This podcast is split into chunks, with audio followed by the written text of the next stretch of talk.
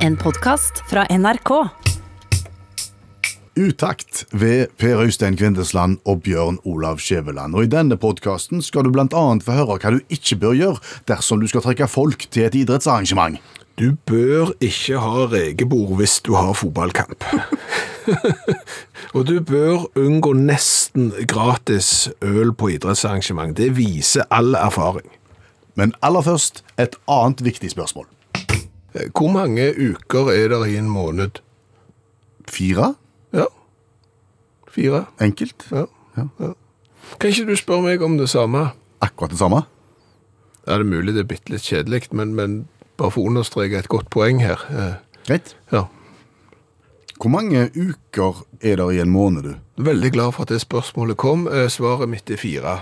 Samme som meg. Ja. Da brukte vi dobbelt så mye tid som vi hadde trengt. Jo, men jeg er jo vokst opp med det, at det er fire uker i en måned, og du er tydeligvis vokst opp med det du òg, at det er fire uker i en måned, for ellers hadde du svart noe annet når jeg spurte deg. Ja, Da hadde jeg sagt fire- fire-fem.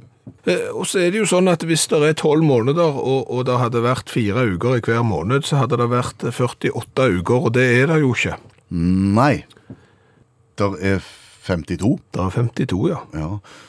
Så det betyr at det er mer enn fire uker i en måned. Ja, Så hvorfor har vi vokst opp da, og liksom alltid sett på en måned som fire uker, når han strengt tatt er fire uker og litt til? Forenkling, kanskje? Ja, det er mulig det er forenkling, altså. Men, men jeg syns jo det er rart hele det der ukebegrepet òg, jeg. Mm. Og det er problematisk, for det er 52 uker, som jeg sa, Ja. i året. Men ikke i år. Er er det et annet tall enn 52 i år? I år er det 53. Nei. Jo. Altså, sjekk kalenderen for 2020, Mm. så ser du at det på slutten av desember der, så smetter de inn uke 53. Det er sjeldent. Det er sjelden. Er det skuddårsbasert? jeg er ikke helt sikker på disse mekanismene for å være helt 100 ærlige, men det er noen som kviskrer meg i øret at eh, hvis det er et skuddår som begynner på en onsdag, Ja vel. eh, da eh, får året 53 uker. Men kan du ikke få 53 uker hvis det ikke er skuddår? Om du Hæ? Om du Kan du få 53 uker hvis det ikke er skuddår? Ja, hvis året starter på en torsdag. Er det noen som kvisker deg det òg? Ja. Ok. Så jeg har ikke dobbeltsjekka den informasjonen heller. Nå, nå bare leser jeg høyt. Ja. For, for, for, for det som noen har hviska meg i øret. Men, men det, du ser jo det der med uker. Det er jo komplett kaos. Ja, det er ikke lett å forholde seg til. Altså, du må jo være skilt Skilt? Ja, ikke sånn trafikkskilt, men du må være skilt eller separert, tror jeg, for å ha et avklart forhold til uker. Ja, for da er det mine og dine uker, ja. Ja, da har jeg alle oddetallsuker, partallsukene er det andre, bortsett fra annenhver helg og onsdager og den slags. Skjønner. Ja. Og når folk da begynner å si nei, det er i uke 14, Ja. Mhm. så sier jeg hæ? Hva tid er uke 14? Og når skal du ha sommerferie? Uke 30. Ja, når er det, da? Ja, jeg vet ikke det heller. Og det er det jeg sier, vi har jo gode mekanismer for å fortelle hva tid ting skjer. Vi har tolv måneder, Ja. og hvis det ikke er presist nok å si at noe skjer i april, eh, så kan vi sågar dele april opp i enkelte dager. 1. april, 2. april, 3. april, hva uke er det, har ikke peiling. Uke én klarer jeg. Uke 1 klarer du kanskje, Ja, for, ja, for, for det der har det kanskje vast seg inn litt september fra i fjor. Fordi at, fordi at uke 1 trenger ikke begynne på en mandag. Nei. Du tror jo at uke 1 nå, nå er det blanke ark. Ja. Nå begynner vi helt på nytt. Vi begynner på mandag. Nei, vi kan begynne på torsdag. Ja. Men kan det? Det- Og det, da blir det bare rot igjen. For da hen- henger mandagen tilbake i uke 52 eller 53. Stemmer. Ukequiz her. Ukequiz. Ja. Altså, hvilken uke Ja. er 1. april 2020? 13. Gjette. Ja, det er veldig, re- det er veldig nært. Hva er det, da? Det er uke 14. Å, ja, se det. Ja. Eh, 30. mars, da. Ja, det er jo uka før. Det er uke 13. Nei, Mm. det er uke 14, det òg. Å, det er lure Ja, ser spørsmål. du det? Uke 29 2020. Hva, hva, hva tidsrom er det? Uke 29 Ja. da har vi passert halvparten.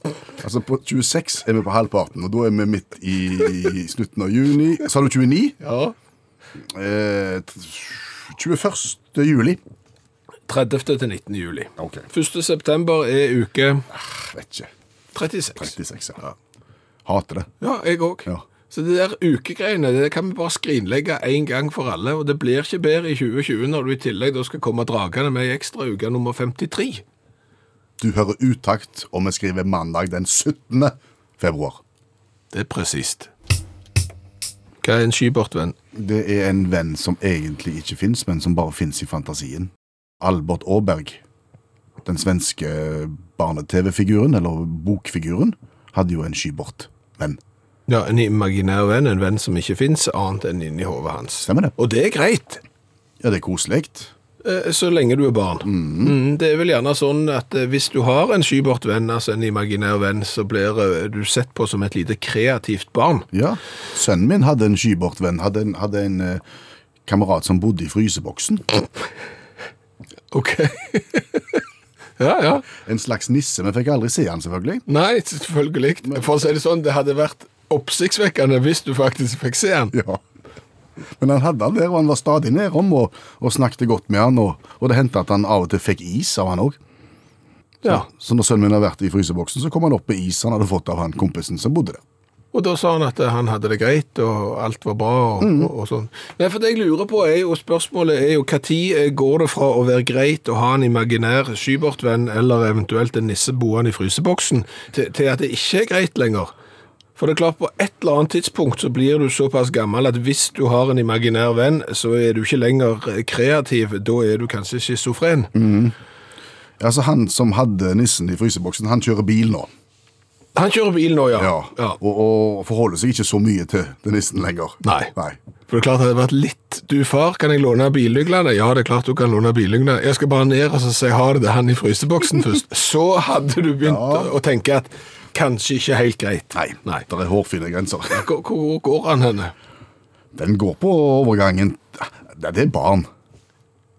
Ja, barn. Ja, barn. Bare barn er barn, og Ja. bare barn er barn. Men hvor lenge Altså, er du begynner, du, barn? å- begynner du å nærme deg ungdomsskolen, så skal du ikke ha en niss i fryseboksen. altså. Du Nei, skal ikke jeg, det. jeg vil jo si at når du begynner på skolen, så skal du kanskje være forsiktig med å ha nisse i ja, fryseboksen jeg, da tror- òg. jeg er enig i det. Ja. Jeg tror kanskje skolepliktig alder er grensen for nissing i, i fryseboks. Ja, ja. Jeg jeg bare kom til å tenke på når vi snakker om hvor, hvor går grensa, og når er det greit.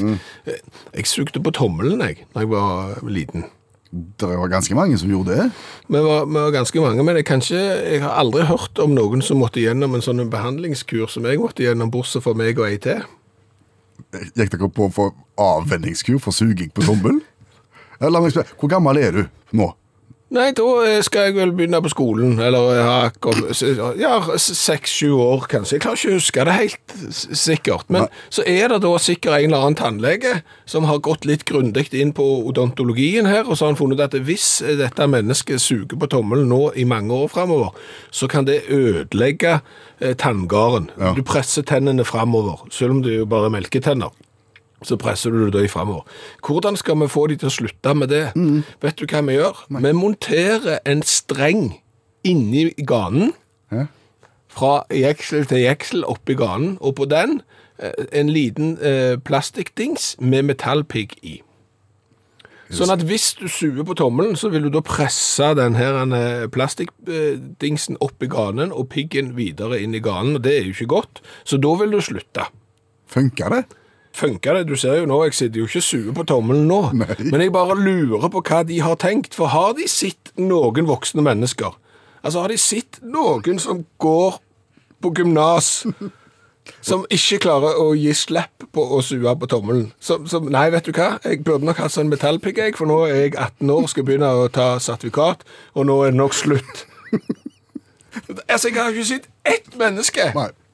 Det må vi få slutt på. Vi monterer plastikk og metallpigg i ganen på disse ungene. Det skal du komme på! Hadde du nisse i fryseren?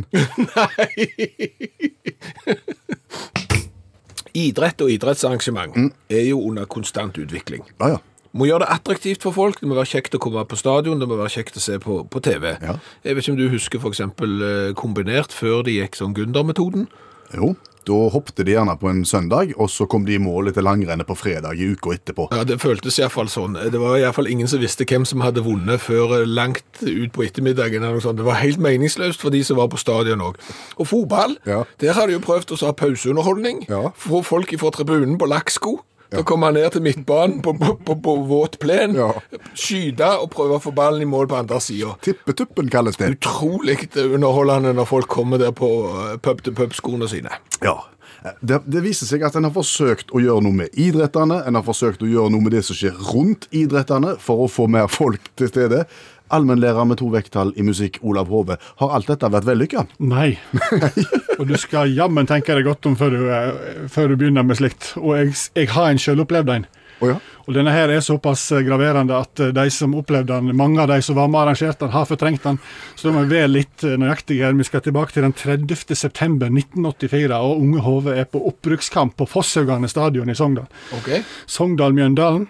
Sogndal har nettopp vært oppe i, første, i Eliteserien for første gang og har fått smaken på mer. De rykte jo rett ned, det gjør de jo alltid. Men eh, de får smaken på mer, og her vil de trekke publikum. Mest mulig publikum så de kan rykke opp igjen. For hvis de slår Mjøndalen, så rykker de opp. Da er det tippetuppen i pausen på glatt eh, gressbane med lakksko. Ja, det var så vel. De- Men de har noen brainstorming, da. Jeg var jo så ung at jeg vet ikke, men de hadde noen brainstorming som de gikk litt trått i. Og da har en foreslått, da, sikkert litt i desperasjon på slutten, vi skulle ikke hatt rekebord. Rekebord? Jo, blir det sagt, da. Altfor mye ja-folk, selvfølgelig, på det. Opprykksfest og Sogndal og rekebord. Under kampen, vel å merke. En får da tak i den største robåten i Indre Sogn. Robåt. Ja, Ja. en robot. ja. Plasserer den sånn står stødig ved, si, ved, ved tri, hovedtribunet. Billige reker den tiden, det er sikkert derfor. da. Fyller båten med reker. Legger ut asjett, majones, litt sitron Når skal folk spise dette? under kampen. Og dermed så er det bare å forsyne seg. Og det er klart. Du skal juble litt, du skal sånn, og du skal ha tallerken med reker på en søndagskveld. Du skal ha selvfølgelig tallerken for eh, avfall, rusk, du skal ha loff, majones og du skal... Var det vått i været òg? det, var, det, var, det var forholdsvis fuktig i været, ja. Heldigvis, altså. Våt, våt loff med majones og reker. Det ble 3-3. Sogndal rykte ikke opp. Stadionet ble reven to ganger etterpå, men på stille sommerdager så kan du fremdeles kjenne en svak eim og råtne rekeskall. Om det var mye måker òg den Å, dagen. hjelpe meg. Vær forsiktig med å sp- sprite på arrangementet, det er moralen. Ja. Tusen takk, allmennlærer med to vekttall i musikk, Olav Hove. Blinding Lights fra The Weekend. Om du tror at eh, The Weeknd eh, har en mye lengre bror? En lengre bror? Ja. My, mye, betydelig mye lengre bror. En, en lang weekend? Nei, det, det, det, den vitsen var ikke bedre. Den måtte Ja, og ikke nest. Om du har tenkt på hvor utrolig kjekt det er at vann er gjennomsiktig? Nei, det må jeg si, det har jeg ikke tenkt så mye på. Ja, men Det burde du ha tenkt på, for det er faktisk veldig fordelaktig at, du, at vann er gjennomsiktig. Har du prøvd å så dukke og finne noe i et eller annet sånn innlandsvann i Norge som er fullt av mudder i bånn, og i det øyeblikket du setter foten din nedi, så virvler du opp eh, masse mudder, og så er plutselig ikke vannet da lenger gjennomsiktig, og så finner du jo ikke den der dykkermaska som du f.eks. leter etter. Ja, det har jeg prøvd. Det har du prøvd. Du, så du ser det at det, det er veldig fordelaktig at det er gjennomsiktig akkurat sånn. Ja. Og jeg tenker jo også for eksempel hvis du har akvarium. Mm. Altså Tenk så stusslig å ha hatt akvarium hvis du ikke kunne se gjennom vannet. Det er noen veldig flotte gullfisk oppi her. Ja. Eh, de skulle du sett, men det kan vi dessverre ikke, for vannet er ikke gjennomsiktig. Nei. Og tenk òg hvis du skal lyse etter krabbe. ja, men tenk så utrolig kjedelig. Dra ut på fjorden, sale opp båten, på med påhengsen, og så skal du lyse etter krabbe. Få se. Og så går det ikke an, fordi vannet er ikke gjennomsiktig. Nei, det er stusslig, ja. Men hvordan er det for dyret sjøl, eller for fisken sjøl, tror du? Har, ta- har de glede av at det er gjennomsiktig? Ja, Det, det vil jeg jo tippe. Eh, nå vet ikke jeg hvordan det er sånn, om de er monogame fiskene, eller Monogame? Ja, om de gifter seg med en fisk og forblir trofaste mot den fisken for all evighet, eller om de driver og horer seg rundt, det aner ikke jeg. Men Men, hva er det med gjennomsiktighet i nei, men vannet? det er klart det er jo kjekt hvis dette eh, Altså, du vet jo hvordan det er hvis du Nei, det vet jo ikke du, men jeg bare tenker meg hvordan det er f.eks. hvis du blir tvangsgifta. Ja. Altså at eh, foreldrene dine har funnet et alle tiders søskenbarn som du aldri har sett, og vips, så sitter du der på bryllupsdagen, og så må du gifte deg med vedkommende som du aldri har sett. Er ikke vannet gjennomsiktig, så er det kanskje litt det samme for fisk. Det kommer litt bardus på, aldri sett vedkommende. Jeg ser den faktisk ikke nå, men vi bare føler oss fram. Interessant men sam sammenligning her. Jeg er ikke sikker, og, og det kan, virker kanskje litt sært at eh, du er godt voksen og bruker eh, tida di på å tenke hva om vannet ikke var gjennomsiktig, hva for et problem hadde vi faktisk. Og der banker det på, ja, og der står det en med en sånn en hvit tvangstrøye ut forbi. Nei, jeg tror det er naturfagslærer. Ok. Det er sånn med bøker vi burde ha lest, de har vi ikke lest, fordi vi har lest de bøkene vi har lyst til å lese, og det er ikke de samme. Nei. Men det er jo der vi da kommer med en håndsrekning både til oss sjøl og til deg som sliter med det samme. Disse klassikerne du burde ha lest, vi kan lære de til deg på kun få minutter. Gjerne Stigen Drangsholt har lest de, og hun kan hjelpe oss å lære de, og da, plutselig etterpå, så er vi i stand til å framstå som om vi har lest de, og framstå som mye smartere enn vi faktisk er. Ta imot litteraturviter og forfatter Janne Stigen Drangsholt.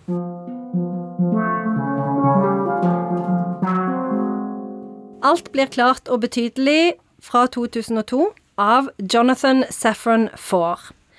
Den unge ukraineren Alexander skal være tolk for amerikaneren Jonathan Safran Foer, som er ute etter å finne kvinnen som kanskje redda bestefaren fra nazistene.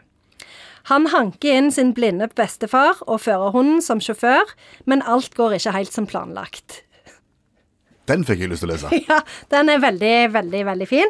Og det er veldig gøy, fordi at han eh, ukraineren, da, han Aleksander, han snakker ganske dårlig engelsk.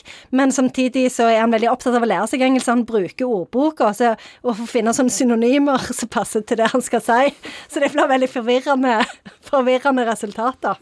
Eh, den er liksom delt opp i to deler, da. Det er den ene delen hvor de reiser gjennom Ukraina for å finne fram til denne her eh, dama som kanskje har redda bestefaren fra nazistene.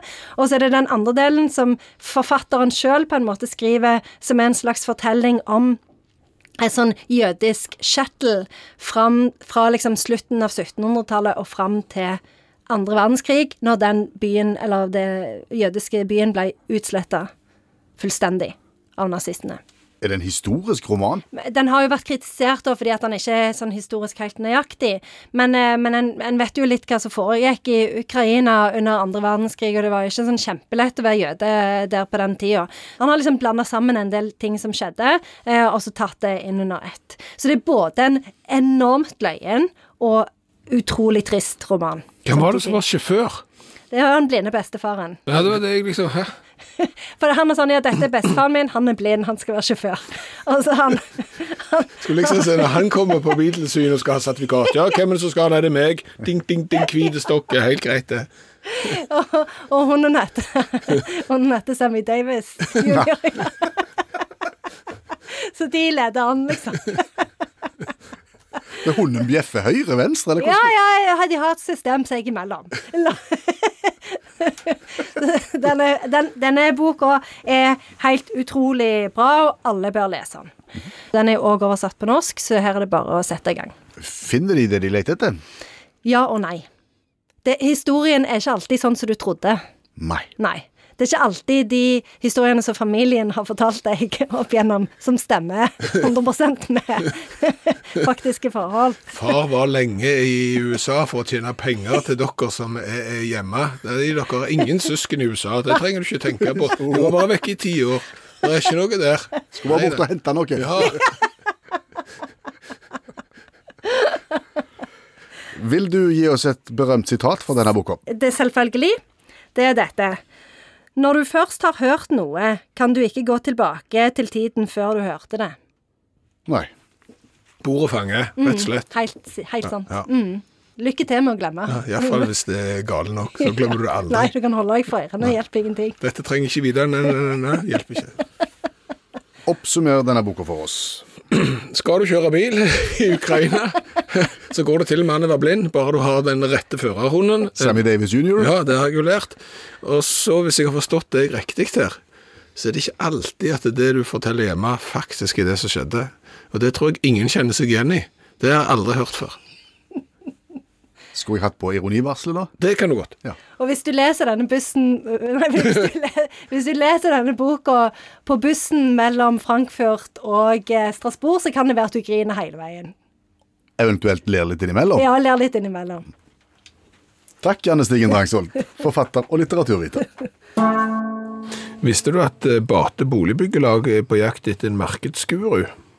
Nei, det visste jeg ikke. Nei, det, det er fast stilling, og, og det er snarest. Mm. Eh, og de er jo på jakt etter folk med høy gjennomføringskraft og meget gode samarbeidsevner, Mm. blant annet. Eh, og det er jo i stillingsannonser en del sånne ting, egenskaper du bør ha Ja. eh, for å søke på en jobb. Eh, Du får bare si ifra hvis du syns det begynner å bli kjedelig, men de trenger òg erfaring fra å skape resultater i samarbeid med andre. Begynner allerede å bli kjedelig. Når du kjente på det allerede så fort, ja. Eh, En mester i sosiale medier og en spydspiss for bate innen kommunikasjonskanaler trenger de òg. Er det fremdeles kjedelig? Mm. Ja, ja, det er det nok nå, Ok, eh, egentlig. Godt utviklet forståelse og blikk for grafisk design og grafisk innhold, og jeg kan fortsette. Nei, er det- er det snart slutt? nei, nei, nei de, de trenger erfaring for byråsamarbeid, det, det er òg en fordel. Er det én og samme annonsen, dette her? Ja, det er en og samme annonsen, og det, jeg sitter med akkurat den samme følelsen som du sitter med. Det er litt kjedelig, og det er litt forutsigbart at du trenger en person med høy gjennomføringskraft og meget gode samarbeidsevner. Det hadde vært mye gøyere hvis de trengte en kar med lav gjennomføringskraft og utrolig dårlige samarbeidsevner. Jobber egentlig best for seg sjøl, og når han jobber for seg sjøl, så jobber han ikke spesielt mye da heller, for han har ikke så god og høy gjennomføringskraft. Men jeg tenkte Går det an å få en sånn en, eh, jobbtekst til å bli underholdende? På radio, tenker du? Ja. Og, og jeg, jeg vil påstå med hånda på hjertet at eh, svaret er ja. Har du gått for spansketrikset? Ja. du har det, jeg tenkte det. Jeg har tatt de egenskapene som eh, Bate boligbyggelag her er på jakt etter hos denne nye markedsguruen, som de sikkert snart skal få tak i, Ja. eh, og lagt det inn og fått en spansk datastemme til å lese disse egenskapene. Og det blir gøyere? Mye gøyere. Bisereter de Gesomer er og gjennom foringskraft og hemeget godes samarbeid sebner. Erfaring fra eskape resultater i samarbeid med andre. En mester i social medier og en spider spis forbat E inn i kommunikasjonskaneiler. God utviklet for else og blikk for grafisk design og grafisk innhold. Oyer relevant ut daning pa universitet celero iskolen iba inen markets forin og communication. Det, det er alltid gøy med spansk. Det er mye gøyere. Ja. Fikk du lyst til å søke nå? Eh, nei. Hallo, ja? Hallais, Klingsheim! Hei, Stavanger-smurfen. Stavanger-kameratene, go, go, go. Jeg skal trege deg igjen. Jeg savner fotballen, jeg må si det. Ja, det er stille nå. Der er stille før stormen, for å si det sånn. Men du, Ja, apropos storm. ja. Du er journalist. Mhm. Dere må skjerpe dere. Hva er det nå vi har gjort? Altså, Det er jo sånn at med en gang det er forventa litt grann nedbør og en stormflo i Norge, så våkner jo dere journalister som om det ikke er en dag i morgen. Ja, vi liker å skrive om sånn.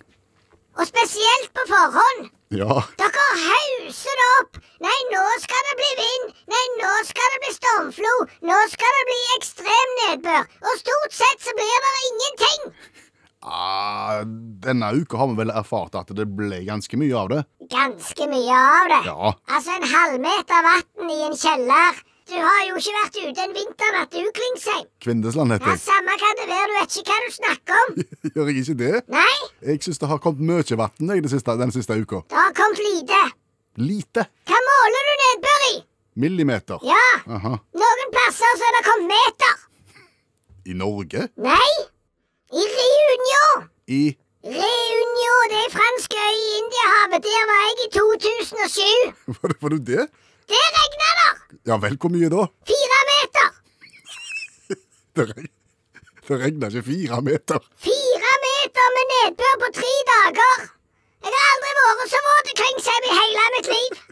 Du, jeg heter Kvinnesland, men, du, men Ja, samme kan det være. her, er det, her er det mange spørsmål. Ja? Men hva gjorde du på denne lille øya ute i Var det i Stillehavet du sa? Jeg sa ikke hvor han var. Men si det, da! Indiahavet. Indiahavet. Ja, ja. 800 km cirka øst for Madagaskar. Ja, hva gjorde du der? Jeg var på jakt etter far min. Og du har ikke funnet far din ennå, nei? Nei, og så hørte jeg Jeg har jo en viss antakelse om at han er sjømann. Ja. Jeg seilte ut fra Kværnavik en gang. Jaha. Mhm. Havna jo da i Rotterdam. Orker ikke tenke på hva som skjedde der. Nei. Og så har jeg hørt rykter om at han seilte på India. Ja vel. Aldri skjønt hvorfor de seiler på. Nei, de seiler, seiler jo til. Ja, men han seilte da visstnok på India. Og så har jeg jo prøvd å så følge de fotsporene der, og da havna jo jeg på Reunion. Å, Ja. Ah. Og så ble det uvær. Så begynte det å regne, ja. Ja. Å gud hjelpe meg så det regna. Det viste seg jo etterpå da at det ble jo verdensrekord i nedbør på tre døgn. Og der klarte du å være. Ja, jeg visste jo det hadde regna mye før der. De hadde jo 1,8 meter nedbør i løpet av én dag, men det var jo 1966, og da var jo ikke jeg født. Nei. Nei. Så kommer jeg der februar 2007 Ja. og tenker at jeg skal få meg en fredagsstund der på stranden der og ligge og få litt farge. Ja. Herre mann, så vått! Ja. Fire meter med vann på tre dager! Jeg holdt jo på å stryke med. Jeg er jo ikke høy. Nei, du er bitte liten. Ja, fire meter nedbør for deg, det er jo fire kilometer for meg. Ja. Jeg måtte jo bare ligge pal på ho hotellet og prøve å holde meg fast. Det var jo vann overalt. Ja. Nei, så det var ikke bra. Nei. Så det jeg sier, Klingsheim Kvinnesland. Ja, samme kan det være. Når det der er journalistgenet ditt våkner der, og du tenker at nei, nå skal jeg skrive noe om eh, at det er meldt 50-60 millimeter nedbør på et døgn, Ja. så må du tenke. Ja, Da skal jeg tenke på deg som opplevde fire meter. Ja, Ja. det skal du tenke på. Men traff du farden? Nei. Ikke, ikke spor av han? Nei, jeg har ikke funnet noen ting. Nei. Så Ja. jeg aner ikke hva, hva- hvem han er, eller hvor, hvor han dro. Men han var iallfall ikke på India. Nei, han var ikke det. Nei, for jeg var der på sånn indisk restaurant der, og de hadde ikke hørt om han. Nei, godt. Så det vet jeg ingenting om. Trist. OK, snakkes! Ha det! Jeg har tenkt litt på hvordan det må være å være arkeolog 500-700 år fra nå. Du tenker at det vil skille seg vesentlig fra dagens arkeologer, eller tenker du at jobben vil være relativt lik? Nei, jeg vil tippe at det bl- vil være mer som å surfe på internett. Langt fra sånn som det er nå, der du eh, graver ut E39 ved hjelp av ei skei. Ok. Fordi? Nei, men altså, hvorfor? Fordi, fordi at eh, Dette er jo ikke greia på. Snart så står det sikkert en kjempesur eh, arkeolog fra Danmark ut forbi døra her og sier du har riv roskende galt, mann. Da kan han slå seg sammen med han den sinte naturfagslæreren fra første time. Ja, det kan, det kan han godt. Men eh, en arkeolog vil jo da gjerne prøve å finne ut eh, hvordan ting har vært før, og sette sammen eh, biter til å så skape en stor eh, fortelling. Og jeg tenker på et eller annet tidspunkt så må vi jo snart ha forstått hvordan det var før. Altså, Jeg sier ikke at det ikke er ting å finne og ting å, å grave opp, Ja, For husene våre, og veiene våre, og bilene våre, og alt vil jo på en måte ja, Kanskje ikke bilene, men Nei, altså egentlig ingenting av det du sier. For, for nå er det jo sånn at du har funnet såpass mange vikinglandsbyer og sikkert så mange vikingskip at nå har vel jeg forstått det sånn at der ligger det et vikingskip, det skal vi ikke grave opp. Nei. Det er ikke interessant å grave det opp en gang lenger for å finne ut hvordan det faktisk er, fordi vi vet eh, hvordan det er. Og hvis du tenker at huset ditt 2000 år fra nå, det kommer ikke til å stå der. Men det huset, når det ikke står der om 2000 år, så er det ikke fordi at du har eh, pakka din sekk, tatt med ungene under armen og f- dratt fra huset ditt fordi at du skal til Amerika og skape deg et nytt liv, og så står bare huset ditt der til forfalls, Nei, nei. og så faller det fra hverandre bit for bit for bit for bit for bit for bit, og så kommer det noen sedimenter og noe sånt som jeg ikke har greie på, og bygger seg oppå, og etter 2000 år så graver de fram huset til Kvinnesland.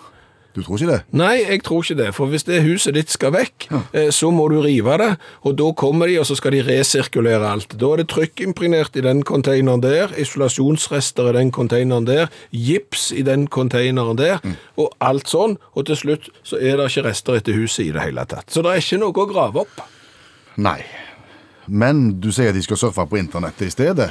For der ligger alle de digitale sporene etter oss. Ja, der ligger det faktisk bilder av huset ditt, som du gjerne har tatt på 17. mai i 2013. Der kan du se hvordan Kvinnesland eh, bodde. Du kan gå på Facebook og finne digitale spor. Så jeg tror at for å finne ut hvordan folk hadde det i 2020, når vi da har kommet til 2120 for eksempel, eh, så er det egentlig bare å finne alle de digitale arkivene hos kommuner og fylkesmenn og Facebook og internett og alt det der greiene der. Trenger ikke skje da. Nei, det er det jeg sier. Du trenger ikke skje, du trenger mus. Vi skal smake på Vivi-cola fra Sveits. Vi har smakt på over 250 varianter fra hele verden, og- men S- Sveits har vi ikke vært mange ganger. Ikke veldig mange ganger. Denne colaen har vi fått av Gunnhild og Åge, eh, som bor i Moss. De har vært på tur og tok med seg eh, den sveitsiske Vivi-colaen. Hva vet vi om Vivi Cola? Ja, Vi vet en del om den. Eh, Den har de drevet på med siden 1938. Oi. Eh, Og eh, de er veldig stolt av den. Eh, De kan ikke bruke eh, De bruker enhver anledning, føler jeg nesten, på nettsida deres til å si å, det er så kjekt at vi har vår egen sveitsiske cola. Denne er vi stolte av. Denne er blitt en merkevare. Denne representerer Sveits på en god måte, osv., osv. Og du får lyst til å si hallo, det er bare en cola. Men de er veldig stolte av den. Og, og de vil ha det til da at eh, det er en legende bak denne her colaen. Oi, På 30-tallet så skal da visstnok eh, sjefen for en sånn en eh, kildevannfabrikk i Egliså, ingen anelse hvor det er i Sveits, eh, men han skal da ha sendt en av de ansatte på en quest, på en utfordrende tur til Kamerun. Og jobben var å komme tilbake med colanøtter. colanøtter, ja. Ja. Og, og, og det klarte han. Han kom tilbake til Sveits med colanøttene, eh, og og dette skjedde i 1937, og i 1938 så poppa Vivi Cola opp på det sveitsiske markedet, og det er de stolte av. Ja, Det har du sagt. Ja, og det er de kjempestolte av, og de er veldig stolte av at de kan være en sveitsisk eh, colafabrikant, og det er de stolte av. Vet du om de eh, selger like mye Vivi Cola som de selger tradisjonell amerikansk cola i Sveits? Eh, Svaret på det er nei. Det gjør de ikke. Nei, fordi at i desember 1986 så la de ned produksjonen av Vivi-Cola, og disse som hadde denne mineralvannkilden sin i Egliså, de begynte istedenfor å tappe Pepsi. Så de la ned hele driten, for å si det sånn. Og så, i 2010, så kommer Christian på banen, og han hu- har ikke glemt eh, Vivi Cola, eh, så han begynner på nytt. Og, og da eh, går det ganske bra, fordi at de lokale som har savna Vivi Colaen sin, de kjøper 2500 flasker de første to timene. Oi! Skal vi beskrive den der lille krabaten her? Art Deco, Hva er det? den, det, er en, eh, det er en form for eh, kunst og Som ikke- arkitektur. Som ikke du har greie på? Ja, jeg har ikke greie på det, men det, det, jeg får litt sånn art deco-følelsen her. At Den her hadde han vært tre ganger så stor, så kunne han vært en lampefot. Kunne han ikke det? Jo, kanskje det. Altså Hvis jeg heller sier sånn eh, fish sauce eller eh, sweet and sour sauce som du kjøper som du har stående i kjøleskapet i døra på sida av melka Vet du hva?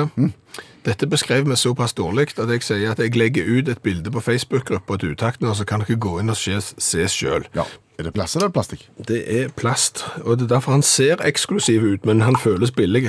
Akkurat. Men det er rikeslikt med kullsyre. Det er godt. Og den er svart og fin. Og så får vi se om sveitserne har noe å være stolte av, for de er veldig stolte av den. Jeg vet ikke om jeg har sagt det. Jeg er kjempestolt av Det er den. det, ja. Ja, Lukter helt greit. Og jeg har smakt betydelig verre enn Da dette. kan de jaggu være stolt av. Den er god. Den er god. Den er kjempegod. Nå må vi trø til litt her i Ja, smak. greit. Jeg bare trø til, du. Jeg sier åtte i smak. Åtte. I smak. Ja. Åtte av ti mulige til Vivi Cola. Ja. Jeg går så høyt. Jeg sier syv. Da er vi på 15 totalt. Ja. Og så var det art decoen din. altså, Ja, lampefoten. Eh, som sagt, altså hadde denne vært i glass, Mm. eh, så hadde han vært skikkelig eksklusiv. Men i og med at han er plast, eh, så trekker det ned, og jeg gir eh, seks. ja, jeg tenkte akkurat det samme. Han skal få seks av ti mulige i design. Da har vi 12 der og 15 der. Eh, Det blir 27. Og det er ganske hø- høyt oppe. Da er du absolutt i det øvre sjiktet. Eh, Skal du til Sveits og har lyst til å smake på en cola som de er veldig stolte av der, har jeg sagt det? Men jeg er ikke sikker. Nei, eh, så skal du smake på Vivi Cola. Den kan de være stolte av. Og i den første timen i dag, så i kveld, så fikk vi jo høre Fikk vi høre om Sogndal, som uh, kjempa om opprykk til den øverste divisjonen i fotball. Eh, 1984 fant ut at vi skal ikke lage eh, rekebord, så folk kan spise reker mens de ser De ville, altså, de ville ha mye folk til Fosshaugane, så da kjørte de på med rekebord. Ja. Og du kan den dag i dag, på, på gode sommerdager, kjenne eimen av råtne reker. Det var du, allmennlærer med to vekttall i musikk, Olav Hove, som fortalte denne episoden. Du var jo sjøl til stede. Og du advarer jo mot å sprite opp idrettsarrangementer på denne måten. Det kan fort gå galt. Ja, hvis det og bo- går vi internasjonalt, så har det gått skeis mange ganger. Og vi kan jo gå til slåball, baseball, USA. Florida Marlins Tampa Bay Race, viktig kamp i 2010. Daglig leder i Florida Marlins, David Sampson, er forbanna for det er så lite støy på kampene deres. Publikum jubler ikke, de eter taco og drikker øl. Så han vil ha litt lyd. Han har ikke fulgt så godt med på andre idrettsarrangement den sommeren.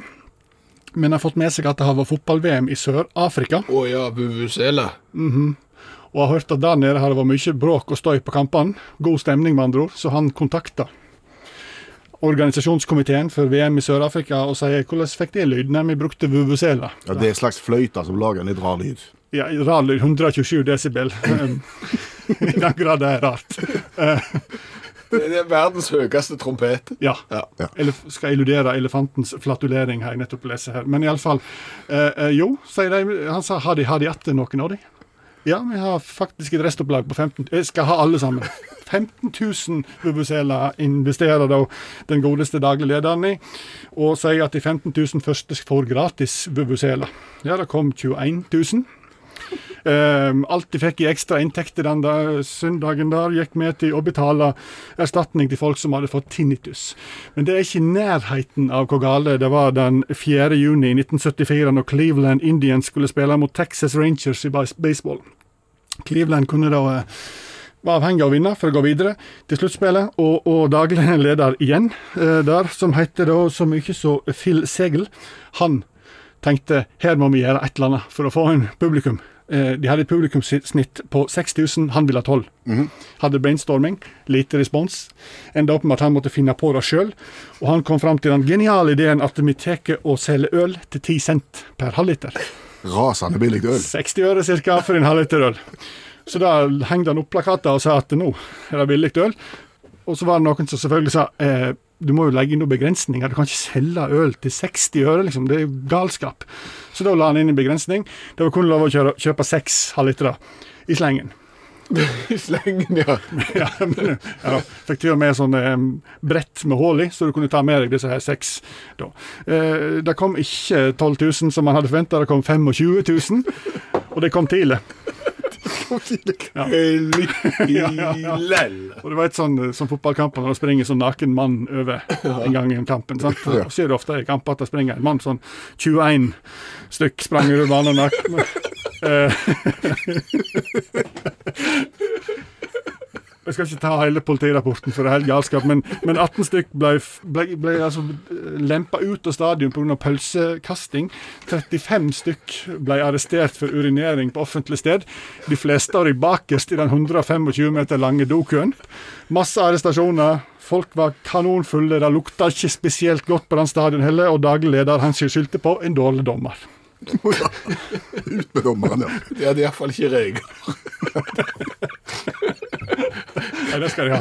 Nesten gratis øl og regler. skulle det kunne blitt. Tusen takk igjen, allmennlærer med to vekttall i musikk, Olav Hove. Det ble godt humør. Ja, du, eh, når jeg får en liten dag for meg sjøl, Ja. ulempen med det er at da får jeg tid til å tenke på ting. Ja, og det er ikke alltid det er smart. Nei, men jeg eh, be- begynte å lure litt på hvordan det måtte være å være fisk. Ja, nå har vi tidligere i programmet lurt på hvordan det ville vært dersom vannet ikke var gjennomsiktig. Ja. Det ville jo gått utover fisken. Ja. Men nå lurer du også på hvordan det går med selve fisken. Nei, altså- altså, selv om det er gjennomsiktig Nei, vann. men altså, Hvordan kunne du tenkt deg altså, Hvis du var fisk, Ja, så kunne du risikert at når du svømte inn på Statoil-stasjonen eh, på vei hjem Det heter jo ikke Statoil lenger heller, men vi sier det. Ja. Så, så på vei hjem for eksempel en kveld fra, fra øving eller noe sånt, og så er du sulten. Og så bestiller du deg favorittmaten din, som er som er en svære burger. Ja. Med mye dressing. ja. Og så ser du burgeren der som et lite sånn ikonisk måltid, og du kan liksom ikke Å, her er favoritten min! Ja. Jeg gleder meg til å ta tak i den. Og så tar du tak i den med begge hendene, og så biter du over den. Og vips, så blir du trukket ut av Statoil-stasjonen etter munnen. Ja, men Det er jo litt sånn å være fisk. Du ser der er favorittmaten min, du gaper over alt du kan, og vips, så er du i et annet element dratt opp etter munnen. Det er jo som om du skulle bli dratt ut av statusstasjonen og oppi et stort basseng under vann med hamburger i, no- i munnen. Det har jeg tenkt på. Nå tenker jeg at nå må vi slutte å fiske. Ja, så har jeg tenkt på det der at du visstnok ikke kan høre noe i verdensrommet. Og, og det var noe helt annet. Ja, det var noe helt annet. Du ser jeg har hatt ganske mye tid for meg sjøl, ser du. Du kan ikke høre noe i verdensrommet. Er det helt stilt, sier de. Ja, de sier det. Eh, og, og det er sikkert eh, Det er nok rett. Altså, det er jo ikke en atmosfære der, så lydbølgene kan ikke forplante seg i noe. Ergo så er det stilt, eh, sier de. Men du kan jo ikke høre. Altså, du kan jo ikke prøve. Du kan jo ikke prøve. Du kan ikke Altså, for å prøve, Ja. så må du gå ut i verdensrommet. Hallo, nå tar jeg meg en tur i verdensrommet. Men du må jo ta av deg den der romdrakten, for ellers så kan du jo ikke høre om det er en lyd. For inni den der romdrakten, der har jo du din egen lille sånn atmosfære med oksygen og sånn, og driver og puster og, og lager lyd med alle disse røyra. Så for å sjekke om det faktisk er lyd i verdensrommet, om du kan høre noe, så må du ta av deg hjelmen, og da er det jo det siste du gjør. Så det er jo ingen Altså, Det er ikke lyd i verdensrommet, men du får jo ikke prøvd. Jo, du kan ha hatt med deg mikrofon. Du kunne hatt med deg mikrofon, og så kunne du holdt den mikrofonen ut, og så kunne du hatt ledning til en liten høyttaler inni hjelmen, og så kunne du hørt. Kan få håndstøy på den mikrofonen, kan du ikke det? Fordi at når du gnikker og sånn, sånn som Jo, det, så, det- og da hører du ikke om det er stilt lenger, fordi at du Det er pirk. Men så tenker jeg Det er ikke pirk, da er det jo ikke stilt. ja, men, ja, men La oss si at du holder den helt i ro, da. Så kan du jo høre. Det som er veldig veldig viktig, da, det er på en måte hvis du skal gjøre et opptak av den lyden, sånn at du kan vise det når du kommer hjem Ja. Mm. til, til jorda, at du må huske altså, å starte opptaket. Ja, er det litt som eh, når du skal hoppe i, i fallskjerm og beskrive det på radioen, og så Ja. hopper du ut av et fly med en sånn opptaker, og så må du huske å trykke rekord. Ja, Ja. Sånn at når du kommer ned på bakken, så er det ikke tatt opp noen ting. på en måte, Fordi at du har glemt det. Mm. Det er veldig dumt hvis du har vært i verdensrommet. Ja. Har du tilfeldigvis hoppet i fallskjerm Mm. Ja. eh, på radio med opptaker? Ja. Mm. Skrudde du den på? Nei, jeg gjorde ikke det, sa du. Jeg var opptatt med å hoppe. Jeg tror ikke jeg må ha så mye tid alene. Jeg. 20 spørsmål. Ja, den gamle klassiker. Ja, f- radiolegen, familie... Radiolegen? Radioleken. eh, familieleken. Eh, Du skal komme fram til hva de andre tenker på ved hjelp av kun 20 spørsmål. Eh, og vi har vel prøvd det i radio noen ganger. Ja, Med, med en twist. Ja, jeg går inn på rubrikkannonser på internett, Mm. finner et produkt som er til salgs, og det er din jobb i løp, i- ved hjelp av 20 spørsmål å finne ut hva er det som faktisk er til salgs. Dette har vi jo gjort i årevis, og du har klart det nesten hver gang. Mm, Det blir nesten alltid 20. Eller 18-19, gjør det ikke det? Jo, du har vel strengt tatt aldri vært eh, i mål før ti, nei. Nei. Det har du ikke. Kanskje det skjer i kveld. Kanskje det skjer nå. Hvem vet.